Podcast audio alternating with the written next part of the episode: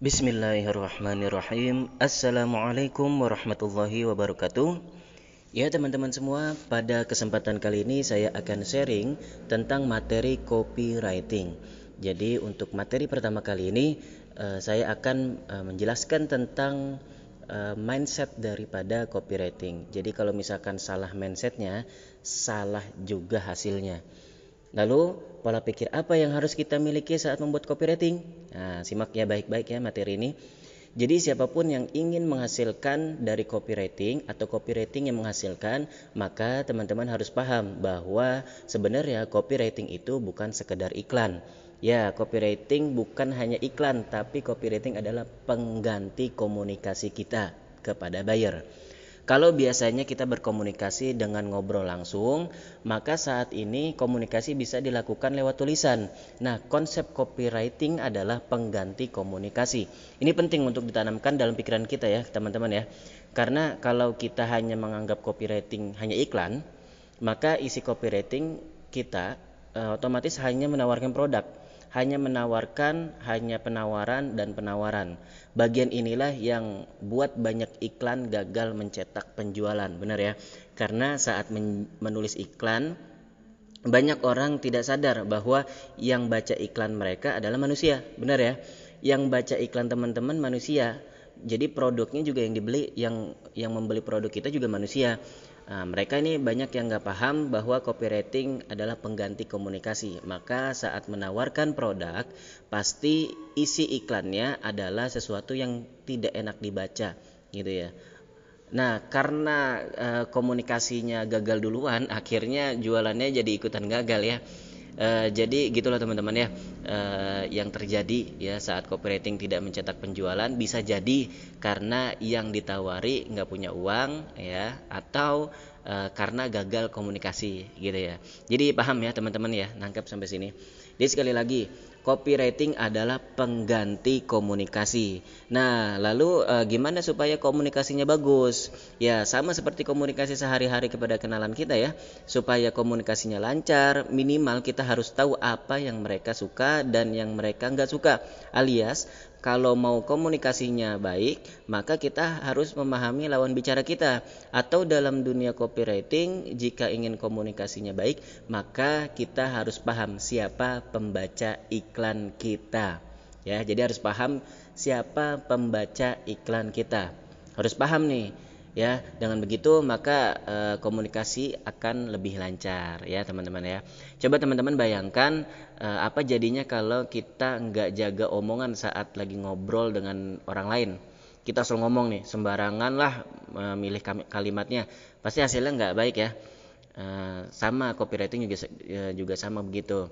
Kalau saat kita uh, teman-teman menawarkan sesuatu, kita asal pilih kata-kata, nggak peduli dengan pembacanya, pasti hasil copywritingnya bermasalah, benar ya? Nah, uh, karena itu selalu ingat bahwa copywriting itu pengganti komunikasi dan yang baca iklan kita adalah manusia. Jadi jangan nulis iklan asal-asalan ya. E, lantas e, gimana dong e, kita harusnya gimana gitu ya? Supaya iklannya menghasilkan, maka kita wajib kenal siapa pembaca iklan kita. Caranya sebelum nulis copywriting, teman-teman, kita harus e, membuat yang namanya buyer persona gitu ya. Nah, ini e, apa namanya? banyak dari teman-teman yang suka menyepelekan tentang buyer persona ini sehingga tidak tahu berkomunikasi menggunakan copywriting kepada siapa gitu ya. Nah, jadi mudahnya buyer persona itu uh, apa sih sebenarnya? Yaitu adalah uh, satu tokoh fiktif yang menggambarkan karakteristik dari target pasar kita Nah, dengan bantuan buyer persona kita bisa tahu nih eh, target pasar kita, orang yang seperti apa, apa masalahnya, apa keinginannya dan lain-lain.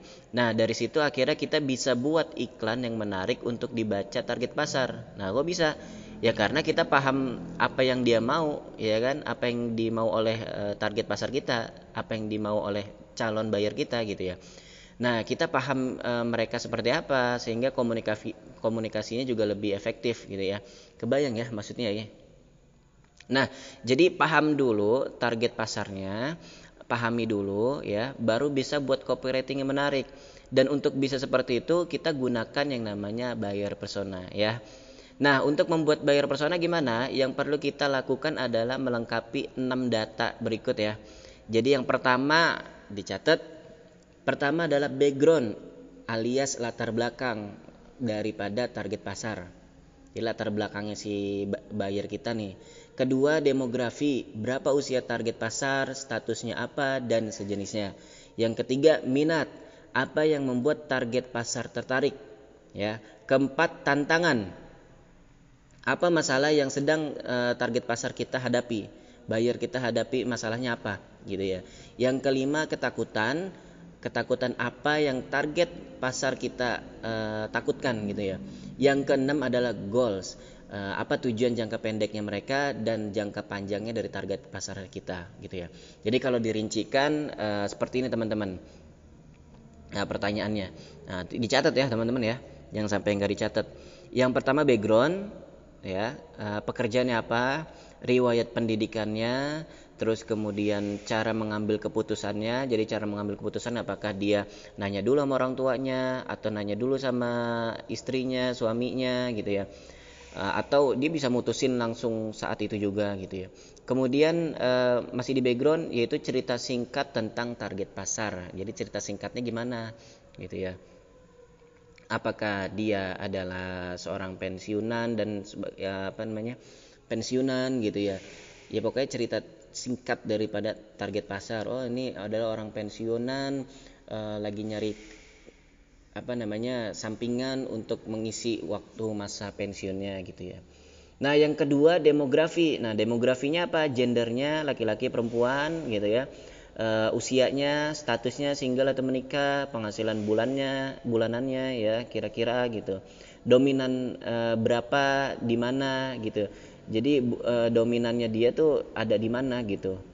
Dominannya uh, dominan dia itu berada di mana? Dominan dia tuh biasanya ya penghasilan bulanannya berapa gitu ya. Terus kemudian yang ketiga itu adalah minat. Jadi hobinya apa, tokoh kesukaannya apa, siapa gitu ya. Sosial media yang digunakan apa, berkomunikasi dengan aplikasi apa, buku favorit kesukaannya, terus film favoritnya, web yang sering dikunjungi dan cara menghabiskannya waktu dia gitu ya. Yang ke yang yang ke berapa nih?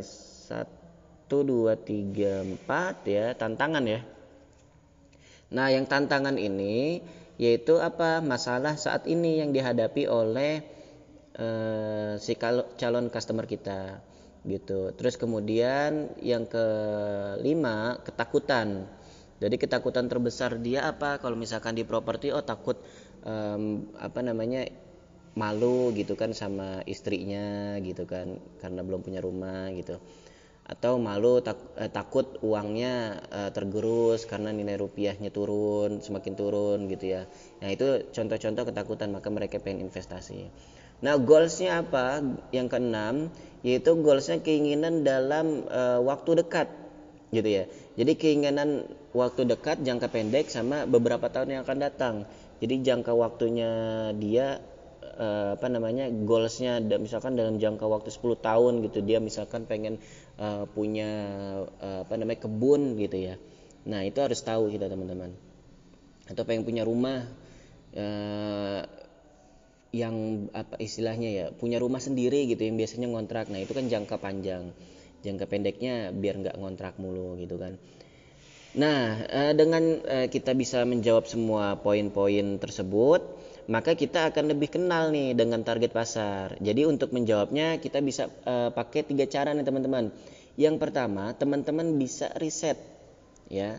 Jadi ngumpulin data dari orang-orang yang mewakili target pasar kita, lalu bertanya kepada mereka setelah itu uh, kita ngelakuin analisa tadi gitu ya. Lalu cara yang kedua untuk membuat buyer persona adalah dengan cara membongkar data pembeli lama ya. Kalau tidak punya datanya maka izin sama izin bertanya ke pembeli lamanya. Atau pakai data developer misalkan. Kemudian cara yang ketiga adalah dengan asosiasi. Jadi kita membayangkan seolah-olah nih kita jadi target pasar tersebut. Gitu ya. Dengan tiga cara tersebut kita uh, buat bayar pesona dari produk-produk yang kita apa namanya bisniskan itu akan mudah. Jadi kita mudah dengan tiga cara tersebut untuk uh, membuat bayar persona yang bisa kita butuhkan untuk produk-produk kita gitu ya. Nanti untuk uh, lebih agar lebih teman-teman lebih kebayang lagi nanti akan saya berikan uh, contoh daripada bayar persona. Nah itu dia ya teman-teman ya. Uh, nanti juga saya akan kasih contoh gimana sih uh, copywriting yang nggak pakai bayar persona dengan copywriting yang pakai bayar persona gitu ya. Nah, oleh karena itu teman-teman silahkan nanti ketika saya sudah kasih contoh, silahkan teman-teman kerjakan uh, tugasnya teman-teman ya. Jadi uh, biar teman-teman juga bisa melakukan uh, pembuatan bayar persona. Karena mungkin awal-awal teman-teman uh, butuh ditulis gitu ya. Nanti kalau misalkan sudah sering melakukan bayar membuat bayar persona ini teman-teman akan lebih terasah lagi dan mungkin oh ini produk apa? Udah ngerti gitu ini produknya untuk ke mana-kemana gitu ya. Nah e, bayar persona ini jadi teman-teman ini pondasinya copywriting. Jadi kalau teman-teman punya bayar e, pesona jadi kalau misalkan teman-teman punya udah punya bayar pesona ini sebelum nulis copywriting nanti teman-teman bisa nulis iklan yang benar-benar menarik banget buat target pasar gitu ya. Karena isi, isi iklannya itu menyinggung kondisi yang dialami oleh uh, si pembaca iklan kita yaitu buyer gitu ya. Jadi kalau selama ini teman-teman uh, proses buat iklan yang ngarang bebas ya itu salah ya gitu ya. Jadi buat bayar pesona dulu baru buat iklan lengkapi personanya dulu gitu ya baru nulis copywriting gitu ya. Jadi bisa dipahami ya teman-teman materi ini. Silakan nanti uh, teman-teman uh, praktek ya wajib banget praktek. Nanti kita akan kasih uh, untuk contohnya gitu ya. Mungkin itu aja. Jangan lupa like comment share dan subscribe uh, channel ini. Semoga bermanfaat. Wassalamualaikum warahmatullahi wabarakatuh